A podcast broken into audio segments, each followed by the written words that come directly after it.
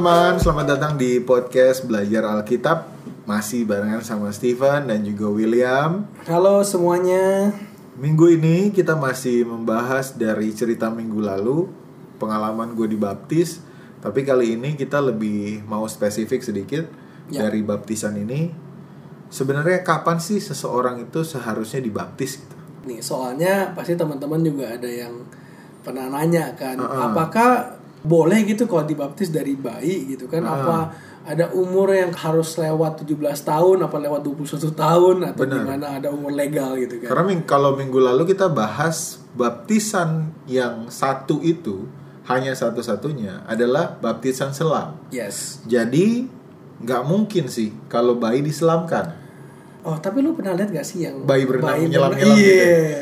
Tapi maksudnya di dalam eh, selain lu diselamkan, orangnya itu mesti ada apa supaya lu tuh eh, kayak ya udah gue saatnya dibaptis gitu. Apakah Alkitab tuh pernah ngomongin tentang Ciri-ciri. ya ciri-ciri atau kualifikasi Kual- tertentu atau kapan umur umur yang pas untuk seseorang Dibaptis. dibaptis gitu. Oke. Kita mulai dari eh, ayat pertama ya Matius 28 ayat 19. Coba lu bacain, Pan.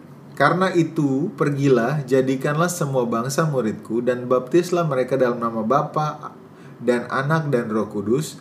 Nah, em, ini tuh kita udah sempat bahas minggu lalu. Oke, Tapi kalau di bahasa Inggris tuh menariknya dibilang go ye therefore and teach all nations baptizing them bla bla bla. Ah. Jadi di sini tuh hal pertama yang penting sebelum uh, seseorang bisa dibaptis adalah mendapatkan pengajaran oke, dari seseorang yang lain yang kita sempat bahas juga sih Oke. minggu lalu.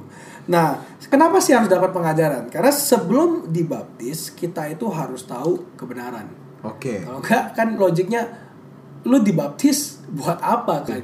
Ngapain nih gua? Oh, diselemin doang ya udah gitu. Ya, dan, dan ada ada- maknanya. Jadi semua itu dimulai dari pengetahuan.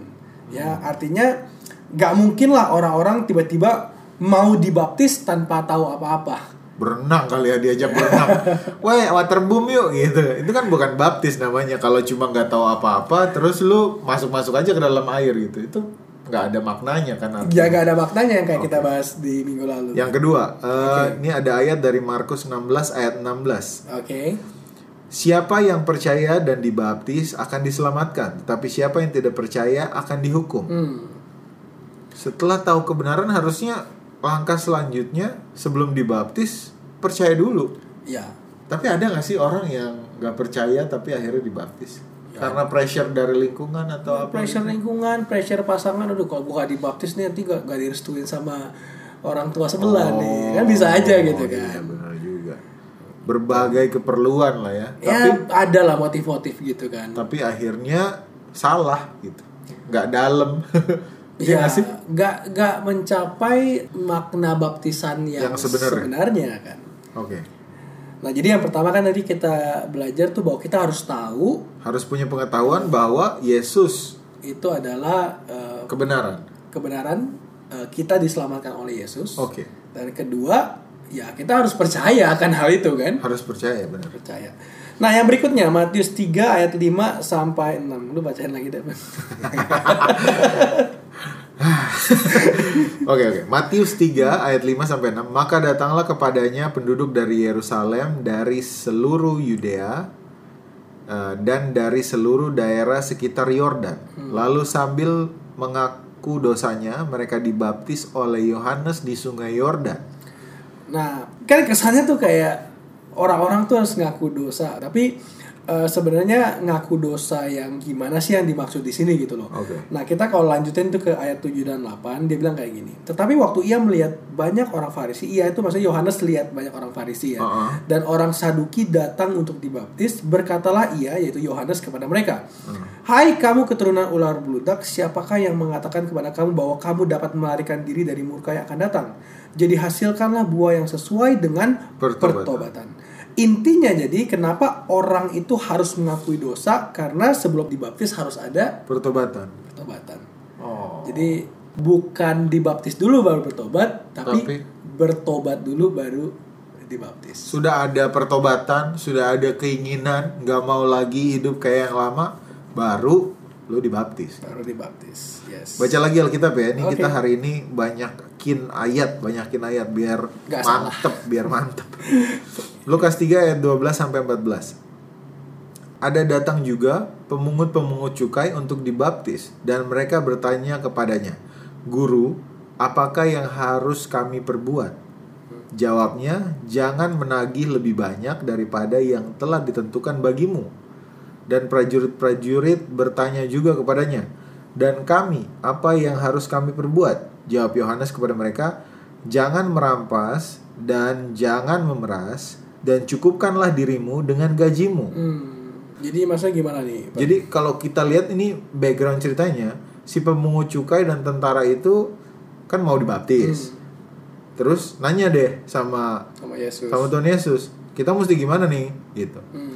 Ya mereka harus merubah kebiasaan buruk mereka. Hmm. Karena sebenarnya misalkan pemungut cukai, dia tuh tugasnya nagih uang 10.000 ribu Yang sepantasnya. Sepantasnya sesuai peraturan. Tapi karena dia punya kesempatan, dia nagihnya 50.000 ribu. Nah, 10 masuk ke hasil pemungutan cukai yang benar 40.000 ribu buat dirinya dan setelah dibaptis tidak bisa melakukan hal itu lagi. nggak ya? boleh harus merubah sikap karena memeras apa mengambil merugikan orang lain memanfaatkan orang lain lah itu kan bukan sifat-sifat yang diajarkan Tuhan dong Hmm. nggak kayak gitu gitu jadi kita udah nggak boleh Artinya harus ada kayak conversion gitu, harus ada perubahan dalam Yes. karakter. Tapi kembali lagi ini malah sebelum dibaptis ya.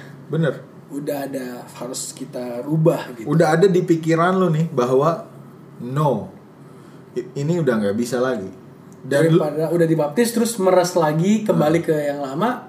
dan lu dan lu juga harus sadar secara secara diri sendiri bahwa lu udah nggak mau lagi Dan lu sebelum dibaptis tuh ngerasain hal itu gak? gue ngerasain hal itu gue udah gak mau lagi kayak Makanya lu bergumul yang lu cerita minggu lalu Iya. tuh. uh, sampai seminggu nggak bisa tidur. gitu. seminggu gue susah tidur gue mimpi yang aneh-aneh tapi ya gue dari awal gue belajar dan gue sampai menemukan bahwa kenapa gue harus dibaptis bagaimana gue ya, kenapa gue harus berubah? Keselamatan yang diberikan Tuhan kepada gue itu cuma-cuma tapi gue harus menghargainya menghormatinya menyayanginya dengan cara apa? Hidup sesuai dengan kehendak Tuhan Yesus. Hmm. hidup sesuai apa yang dituliskan di Alkitab. Hmm. ya itulah yang gua gua rasain dan ya udahlah mau diapain lagi emang harus Udah lu berubah. pergumulkan, lu udah sadari dan akhirnya lu ambil keputusan itu. bener karena ini keputusan yang nggak bisa lu kompromiin gitu loh. Kayak gue udah dibaptis tapi besok bolehlah. Nanti minta ampun juga nggak apa-apa. Nggak gitu. Nah, jadi itu dari kita yang belajar tadi, gue sekalian nge-checklist lu deh, kan lu kan apakah yang, yang Alkitab ngomong ini emang bener yang lu udah steps to baptism yang lu Oke. Jadi kan tadi kita belajar bahwa eh, yang pertama tuh kita harus punya pengetahuan akan kebenaran, ya akan bahwa Kristus telah menyelamatkan kita. yes yes yes, ya. yes. dan in response to that ya kita harus percaya dulu dong. Oke. sebelum dibaptis. Lalu harus ada pertobatan. Benar. Dan keempat harus ada perubahan. perubahan. Dan apakah saudara Stephen mengalami itu semua? Gue mengalami dari belajar oke. nyari kebenaran itu. Ngapain sih ini? Sebenarnya apa sih? Padahal belum mau percaya itu ya belum mau tadinya. percaya. Apa sih apa sih yang, eh, doang, apa sih yang dimaui sama orang-orang yang tiap hari ke gereja ini? Hmm, mereka belajar apa sih? Hmm, dapat tuh gue pelajarannya. Dapat gue kebenaran tentang Kristus. Oh Tuhan Yesus tuh kayak gini tuh hmm, oh dia tuh kasih. Hmm, oh dia tuh mengadakan mujizat. Hmm, oh dia tuh berkorban loh buat kita. Hmm. jadi manusia mati menebus dosa. Pengetahuan pengetahuan dan kebenaran kebenaran itu gue dapet. Terus gue percaya sama hal-hal itu. Hmm. Karena kalau gue dapet doang pengetahuannya tapi gue nggak percaya udah sampai situ aja. Ya, cuman buat pengetahuan doang kan? Iya dan habis itu pasti gue mental dari gereja. Hmm. udahlah ngapain sih? Orang gue nggak percaya. Iya kan? Gak benar juga sih ya. Iya. ngapain ngapain kalau ngapain gue datang mulu ke gereja gitu? Setelah gue percaya akhirnya gue merasa bahwa apa yang dicontohkan Tuhan Yesus tuh nggak ada di dalam kehidupan gue Hmm. selama ini. Jadi gue mau bertobat. Hmm. Bahkan dulu gue gini mikirnya gue tuh kenapa sering gak mau ke gereja karena gue ngerasa nggak pantas dalam situ Hmm. gue ngerasa gue nih ah udahlah gue tuh di gereja juga nggak ngaruh gitu Hmm. gue nggak pantas Daripada hidup kayak di dua alam gitu ya. bener jadi akhirnya kalau gue per- punya pengetahuan mau percaya gue mau ada di gereja terus untuk belajar ya gue harus bertobat dong Hmm. Masa gue belajar doang tapi kelakuan Dan berapa banyak hal yang akhirnya lu tinggalin tuh? Oh banyak sih, banyak hal. Nah, itulah. Lu you name it di pikiran lu masing-masing, kegiatan-kegiatan dosa yang bisa lu pikirin itu kayaknya udah semua gue lakuin. Hmm. Oke. Dari A sampai Z itu semua hampir semua udah gue lakuin. Separah itu. Separah itu gue. Akhirnya udahlah, gitu. Karena kalau lu nggak bertobat, lu ngapain di gereja, Make sense. ya kan? ya. Lu ngapain di gereja? Ya maksudnya tetap Tuhan mau kita di gereja, cuman secara personal kita akan mikir Ngapain hari ini gua jadi kelihatan suci, besoknya gua akan kembali kepada keduniawian gua semua. Iya, hidup gua yang lama. Yang yang bisa ditanda kutipkan munafik. Hmm. Ngapain gitu. Nah, itu gua yang lama tuh. Makanya gua kalau gua yang lama, gua pergi ke gereja. Itu nanti gua habis dari gereja tuh gua akan ngerasa bersalah banget gua ada di situ dan gua nggak mau balik lagi ke gereja. Jadi gua akhirnya masuk nih gereja sekali, Aha. itu bisa enam bulan lagi baru gue ke gereja karena gue ngerasa bahwa aduh pas di gereja tuh gue dikasih tahu semuanya Hmm. bahwa apa yang diomongin mau out of nowhere firmannya apa itu larinya ke gue terus gitu kan ya kena lagi gue gue lagi lah eh hancur banget gue udah Tapi di situ mungkin pada saat itu belum ada keinginan buat bertobat dong. enggak enggak ada Jadi lu ketampar, tapi daripada gua ditampar lagi, iya daripada gue datang diingetin mulu soal dosa gue mending gue nggak datang datang jadi sekarang lu udah berani datang ke gereja tiap minggu itu gara-gara lu udah siap gitu dong. gara-gara gue udah nggak melakukannya lagi Nah, itulah pertobatan. pertobatan. Nah, yang terakhir adalah perubahan. Dari pertobatan itu, lu bisa lo kembali lagi kayak orang yang dulu.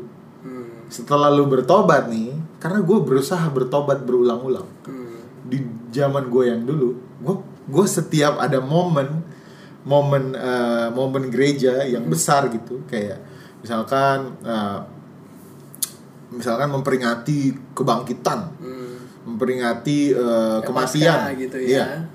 itu tuh Agung. itu tuh gue datang mau bertobat. Hmm. bilanglah gue berdoa sungguh-sungguh. Mau gue bertobat sama Tuhan. Dua minggu kemudian dosa nyamperin gue lagi coy sini dong gitu. Main nih udah lama nggak berdosa. Ya udah deh boleh deh. Lu lupa di dua minggu lalu barusan Ya. bilang mau bertobat. jadi setelah bertobat bukan berarti lu nggak bisa berdosa lagi. Hmm. yang harus lo lakuin adalah setelah bertobat lu harus berubah tinggalin apa yang sudah lo lakukan. Tinggalin bener-bener fokus mau ninggalin terus ya berdoa. Karena lu tahu nggak? Gue tuh punya pengalaman pribadi gini. Gue kalau janji sama Tuhan itu gue kayak tuker sesuatu. Gue gini Tuhan gue pengen jadi penyiar. Hmm. gue mau bertobat. Asal lu kasih gue jadi penyiar. Dikasih tuh nanti. dikasih gue jadi penyiar. Gue pernah jadi penyiar abis gue dapet penyiar bahkan sebelum gue dapet penyiar gue udah berantakan lagi Hmm. dapet tuh penyiar terus waktu itu pengalaman gue nyokap gue sakit Oke. nyokap gue sakit keras gue bilang Tuhan gue mau bertobat sembuhin dong nyokap gue Hmm. gue nuker gue gue ada timbal balik Tuhan kasih dong sem- kesembuhan buat nyokap gue Hmm. gue mau bertobat beneran deh kali ini gue bertobat tapi sembuhin nyokap gue Hmm. Gue kayak tawar menawar sama Tuhan. Nah, Tuhan, setelah sembuh, Tuhan kasih sembuh total. Setelah sembuh, apa yang gue lakuin? Iya. Balik lagi gue. jadi walaupun ada keinginan buat bertobat, tapi perubahan itu nggak pernah muncul. Gak pernah muncul. Karena apa? Karena setelah lu bertobat, lu nggak minta pertolongan Hmm. bahwa ini gua pada saat ada godaan, gue biarin godaan itu yang datang ke gua. Hmm. pada saat godaan gue minta tolong sama Tuhan Tuhan ada godaan nih jangan dong gitu Hmm. bisa tapi gue nggak melakukan itu akhirnya balik lagi balik lagi gitu, gitu lagi bertobat hancur tobat hancur tobat hancur gitu dan akhirnya itu membuat lu jadi bahkan nggak pernah berpikir untuk dibaptis lah ya Bener. akhirnya. nah jadi em, memang that's the real thing gitu loh maksudnya lu sendiri ngalamin lu barusan dibaptis dan ternyata kualifikasi yang Alkitab ngomongin persiapan sebelum dibaptis itu semua eh, Stephen juga ngalamin gitu. bener Nah, jadi sekarang kita balik lagi ke pertanyaan pertama kan bahwa Oke. umur berapa sih yang tepat untuk dibaptis? Hmm. Kalau kita ngelihat jawaban dari Alkitab, sebenarnya Alkitab gak ngomongin umur secara spesifik. Tapi pada saat reasoning kita udah bisa menangkap hal-hal ini dan dan mengerti hal ini dan bisa melakukannya, itulah umur di mana ya kita memang sebenarnya udah siap. berarti sebenarnya bukan umurnya tapi kesiapannya Tapi kesiapannya. pengertiannya ya kan Nah, Kira-kira kalau lu balita, lu bisa ngerti gak tentang dong. semua ini? Kayaknya Enggak nggak bisa. Jadi harusnya kalau balita eh, bukan saat yang tepat ya untuk dibaptis ya. Oke. Nah atau misalnya orang lagi em, sakit parah and belum pernah dengar tentang kebenaran gitu ya. oke Mungkin kan ada orang yang pikir ah supaya nanti orang tua gua atau apa terlepas dia mau atau enggak dia juga nggak tahu dibaptis saja. Itu kayaknya juga enggak nggak nggak kayak gitu ya. Kalau gua sekarang setelah gua belajar gitu, gua punya satu pengetahuan yang gue dapet Hmm. bahwa kita harus bertanggung jawab sama diri kita sendiri Hmm. terlebih dahulu Ya. sebelum bantu orang lain dalam hal ini ya keimanan ya dalam hal kebenaran dalam hal menginjil gitu kita harus tanggung jawab sama diri kita sendiri dulu lu nggak bisa mau coba bantu orang lain misalkan lu orang mau pinjam duit Hmm. lu mau coba bantu tapi kalau lu nggak punya duit gimana caranya Ya. jadi lu mesti punya duit sendiri dulu baru bantu orang lain Dan kan Alkitab bilang keselamatan itu kan masing-masing. yes Dan hanya Yesus yang bisa menyelamatkan pribadi kita masing-masing. Benar. Nah, jadi eh, memang kembali lagi sama pembahasan minggu lalu ya. Baptisan itu tuh Deklarasi. deklarasi lah, deklarasi sih bahwa kita itu udah terima Yesus, kita itu udah siap berjalan sama Yesus. Tapi yang paling penting tuh perubahan apa sih Benar. yang udah terjadi sama diri kita. Benar. Nah, terus mungkin teman-teman ini penasaran juga Pen, eh, bahwa waktu sebelum lu dibaptis ini, Hmm. lu tuh sempat belajar dulu nggak sih, misalnya apa sama pendeta atau pembimbing gitu? sama pendeta gue gue belajar sama pendeta dua tahun dan itu melibatkan dua pendeta Dua eh, pendeta, wow. dua pendeta dua pendeta eh, s- eh, dan keluarganya pacar gue termasuk pacar gue juga ngajarin terus ada tua-tua jemaat jadi gue tuh melibatkan banyak orang dalam gue belajar Hmm. Dalam dua tahun gue belajar.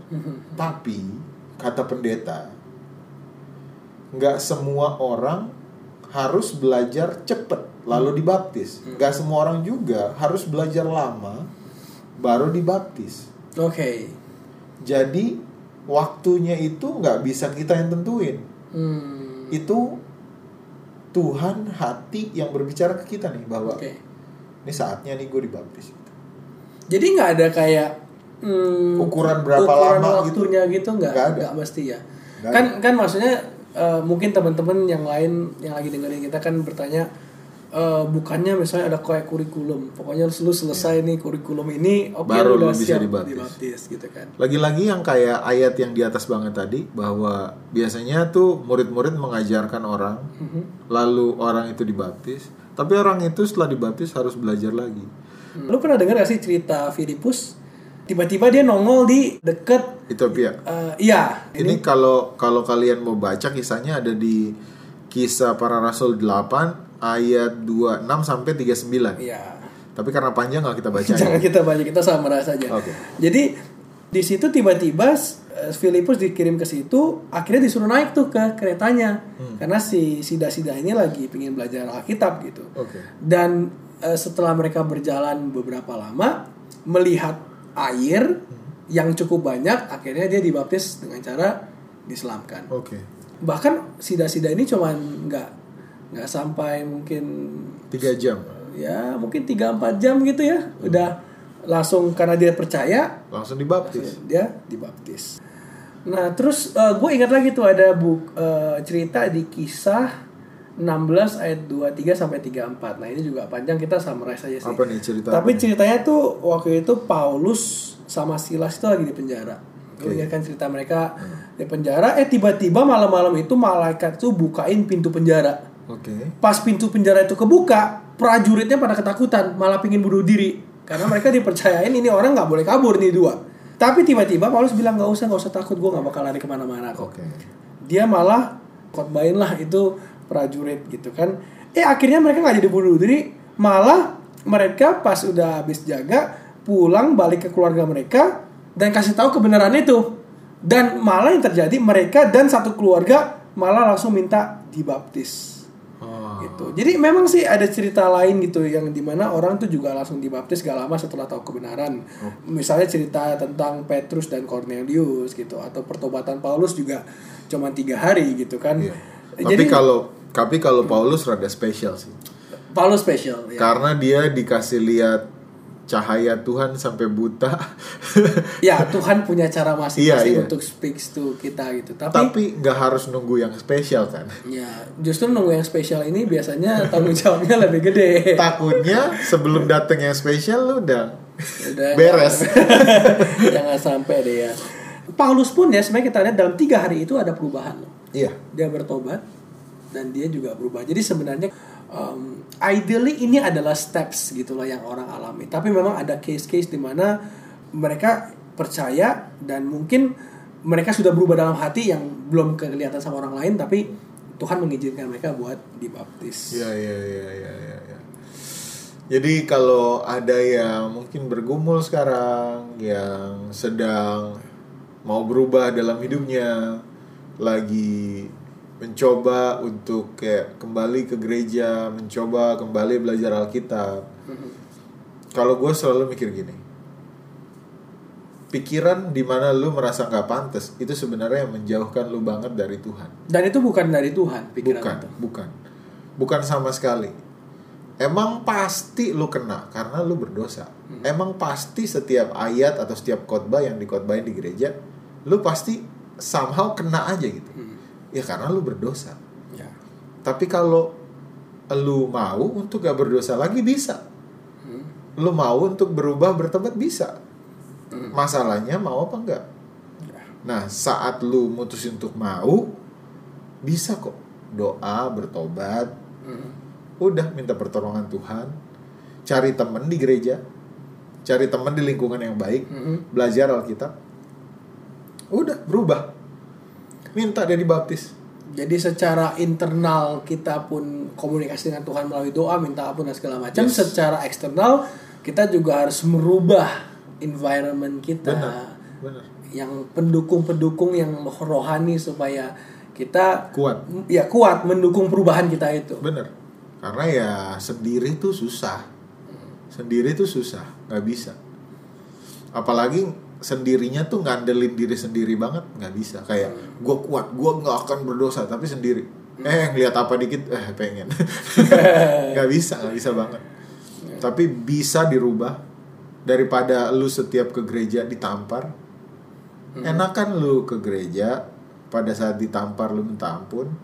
Terus lu nggak lu berpikir bahwa lu nggak mau lagi ada rasa tamparan itu. Hmm. walaupun sebenarnya setiap firman mempertajam kita kan Ya. setiap firman itu memperbaiki kita Betul. karena ya itu tulisan yang di Alkitab ini dilhamkan oleh Tuhan untuk mengajar dan lalala itu kan Perbaiki kesalahan dan sebagainya. yes itu kenapa kita merasa tertampar terus Hmm. tapi jangan sampai lu merasa gua nggak pantas di gereja gua nggak ya nggak pantas lah dia berada di tempat yang suci ini karena sebenarnya itulah yang membuat gua bertahun-tahun Jadi nggak pingin jadi ke gereja. nggak pingin ke gereja dan gua nggak terjangkau sama sekali Hmm. ya. ya setan punya banyak cara mempermainkan pikiran kita kan gampang Ya.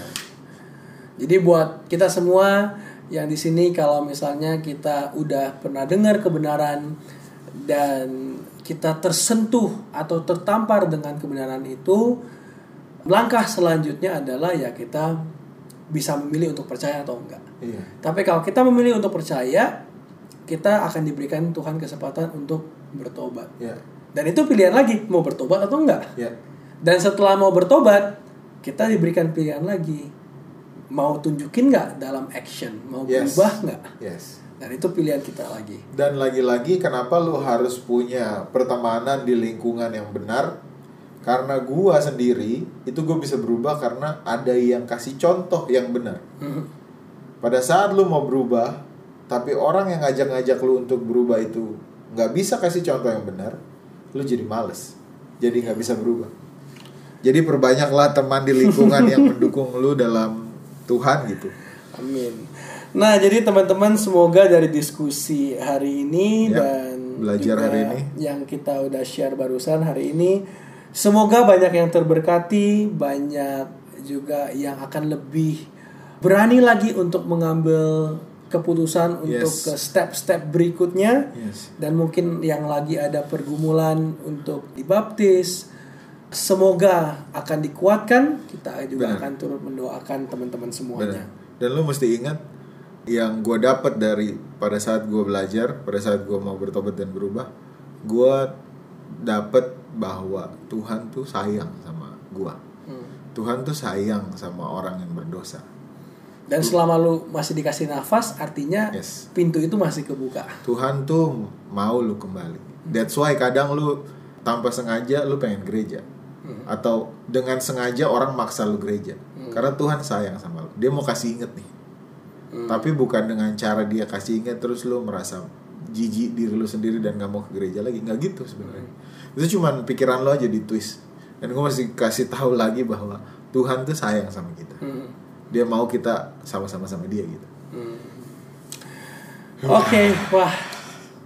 Thank you teman-teman yang udah dengerin kita punya pembahasan hari ini ya. Ya. Ya Baiklah. kalau ada pertanyaan, kalau ada testimonial atau masukan, masukan, cerita ya. atau lu mau ketemu, mau cerita langsung, boleh email ke podcast belajar Alkitab at gmail.com nanti kita respon mungkin kita bisa ngobrol langsung atau mungkin lu bisa cerita langsung di podcast.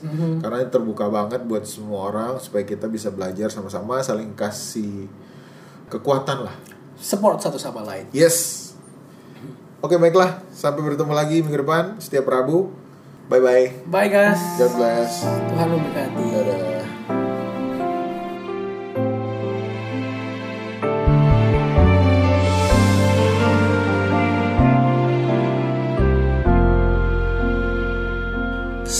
Selidiki aku Lihat hatiku. Apakah ku sungguh mengasihimu Yesus? Kau yang maha tahu Dan menilai hidupku. Tak ada yang tersembunyi Selidiki aku. Lihat hatiku. Apakah ku sungguh mengasihimu Yesus? Kau yang maha tahu Dan menilai hidupku. Tak ada yang tersembunyi